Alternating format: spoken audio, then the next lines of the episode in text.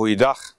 Het fijn dat je kijkt naar deze parel. En ik wil met jullie nadenken over de titel die Jezus krijgt in Jesaja 9, vers 5: Goddelijke held. Er zijn natuurlijk heel veel bekende teksten uit de Bijbel en ook over kerst. En misschien is Jesaja 9, vers 5 wel de allerbekendste. Want een kind is ons geboren, staat daar, een zoon is ons gegeven. En de heerschappij rust op zijn schouder. En men noemt zijn naam wonderlijke raadsman, sterke God, eeuwige vader, vredevorst. Het is eigenlijk heel bijzonder dat, ja, dat het Oude Testament zo over een kindje spreekt. Want daar gaat het hier over. Een kind is ons geboren. Want het, hij krijgt een titel mee, goddelijk. Het is een goddelijk kindje. Het is een sterke God of een goddelijke held, zoals in een andere vertaling staat. En dat, dat is niet normaal voor het Oude Testament. Het Oude Testament is juist heel erg conservatief als het gaat over een titel geven aan een mens en dan al helemaal geen goddelijke titel. Mozes, dat was wel de vriend van God, maar het was niet een goddelijke vriend. En David was wel een man naar Gods hart, maar het was geen God. En dus is het heel bijzonder dat dit kindje, waar het hier over gaat in Jesaja 9, dat hij een goddelijke titel meekrijgt. En als je even verder blaat in hoofdstuk 10, vers 21, dan gaat het over dat kindje en dan slaat het tegelijkertijd op God, op de grote Yahweh zelf. En zo zien we dat dit kindje is niet zomaar een kindje. Nee, dit kindje wordt gelijkgesteld door de Bijbel met een God, een baby. Een baby met de titel Goddelijke held. En als we kijken naar het leven van Jezus, want ik geloof dat dit over Jezus gaat, ja, dan, dan zien we in de Bijbel dat, ja, dat Jezus die, die titel eer aandoet. Hij doet die eer aan als de, uh, aan die titel, als, als de Bijbel ons laat zien dat dit kindje Jezus. Dat hij sterker is dan de natuurwetten. Dat hij sterker is als de natuurwetten als die op het water loopt. Of als hij het brood breekt en er oneindig veel brood lijkt te komen. Als hij, als hij de storm met één woord stilt. Dan is het dat de Bijbel zegt, kijk, dit is een goddelijke held. En Jezus wordt door de Bijbel gezien als een goddelijke held, als hij sterker is dan de geestelijke wereld. Want hij drijft demonen uit en hij stuurt ze waarheen hij wil. En dan zegt de Bijbel, dit is die goddelijke held van Jesaja 9, vers 5. En de Bijbel laat ook zien dat dit kindje, deze, dit babytje, sterker is dan ziekte. Als hij keer op keer op keer mensen geneest. Mensen geneest van de meest uiteenlopende ziektes. Dan laat de Bijbel zien, dit is een goddelijke held, de goddelijke held die komen zou. De Messias. En op het eind laat de Bijbel zelf zien dat dit kindje, deze Jezus, zelfs sterker is dan de dood. Want hij staat weer op uit het graf. Hij wordt weer levend. En zo laat hij zich zien aan honderden mensen tegelijk. En zo laat hij zien, ik ben die goddelijke held waarover Jezaja 9 sprak. En dit kindje, waar we naartoe leven nu met de kerstdagen, dat is natuurlijk al bijzonder. We staan er speciaal bij stil, we hebben er een feest omheen bedacht, omdat het een goddelijke held is. En hij heeft dan ook bewezen dat hij deze titel meer dan waard is. En dit alleen al, dit is zo ontzettend bijzonder. Maar toch, toch stopt het daar niet eens mee. Het gaat verder.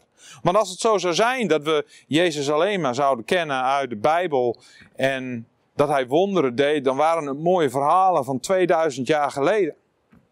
Maar wat hebben we daar vandaag de dag dan aan? Wat hebben we daar 2000 jaar later dan nog aan? Nou, ik geloof dat Johannes 14 daar een antwoord op heeft. Johannes 14, vers 12. En daar zegt Jezus dit, voorwaar, voorwaar, ik zeg u, wie in mij gelooft, die zal de werken die ik doe ook doen. En hij zal nog grotere doen dan deze, want ik ga heen naar mijn Vader. Hij belooft dat wij de Heilige Geest zullen ontvangen. Dezelfde Heilige Geest die hem tot goddelijke held maakte. En dan mogen wij ook wonderen doen die nog groter zijn dan Jezus. Het is haast niet te bevatten. er zijn verschillende uitleggen over, daar ga ik nu niet op in.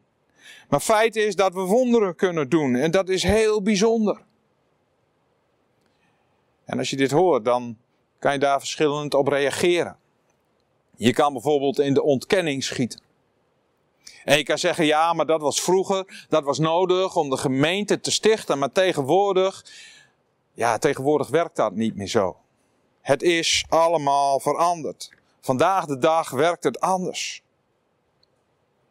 Je kan, je kan ook in een andere kramp schieten.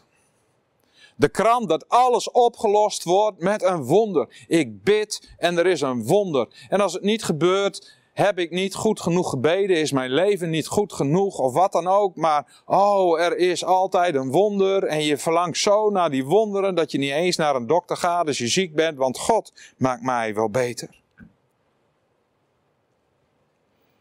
En je kan er ook nog angstig van worden. Onzeker. Want, want stel je nou voor dat dit wel waar is en er gebeurt niks. Hoe ga ik daar dan mee om? En hoe moeilijk is het dan?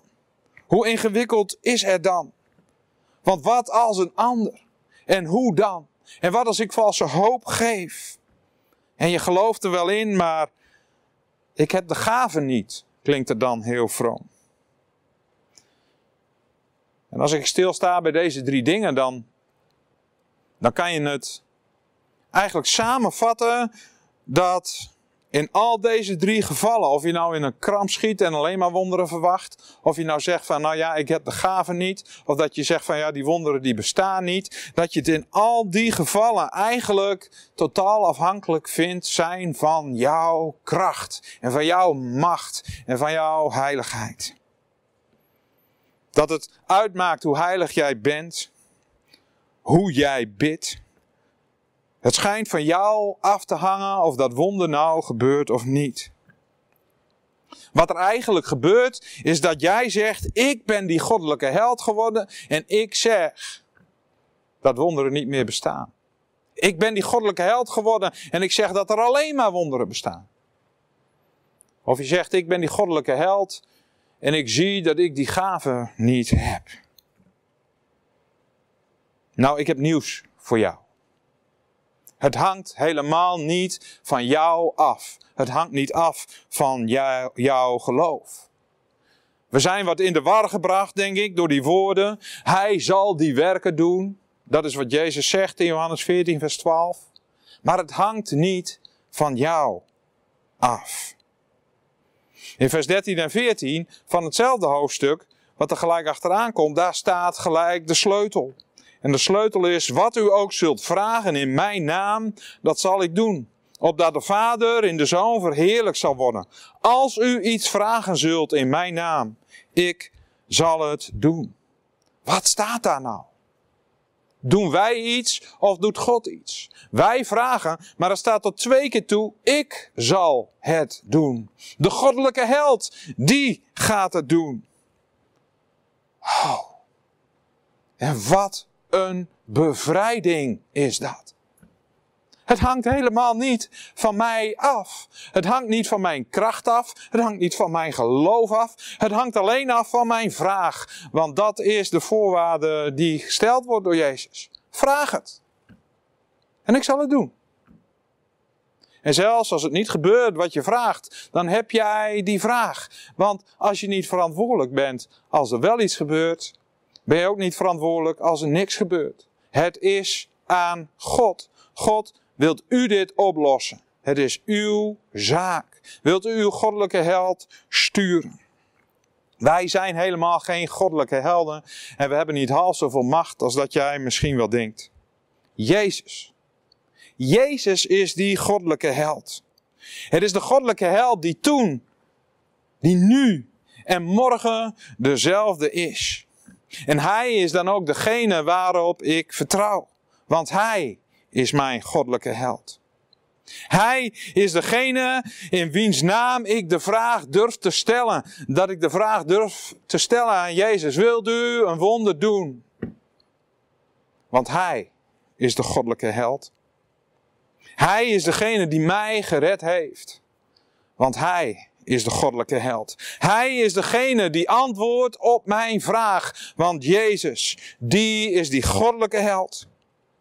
En Hij is degene die mijn angst wegneemt. De angst voor het onbekende, de angst voor noem het maar op. Want Hij is mijn goddelijke held. Hij is degene die in mij woont. Hoe bijzonder. Want dat kindje, wat wij gaan gedenken met kerst, dat is mijn goddelijke held die in mij woont dankzij mijn geloof. Ik wil één voorbeeld geven, een heel kort voorbeeld. Ik ben voorzitter van een stichting iWorks en wij, wij helpen meisjes die onbedoeld zwanger zijn in Sri Lanka.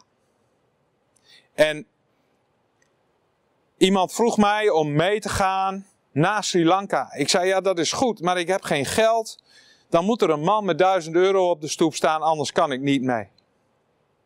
En dat was mijn vraag aan God. En de goddelijke held antwoordde door een week later de bel te laten gaan. En er stond een man met duizend euro in een envelop en die overhandigde dat mij. En zo werkt het. Het is niet moeilijk, je hoeft alleen maar een vraag te stellen. Ik wens je nog een gezegende dag.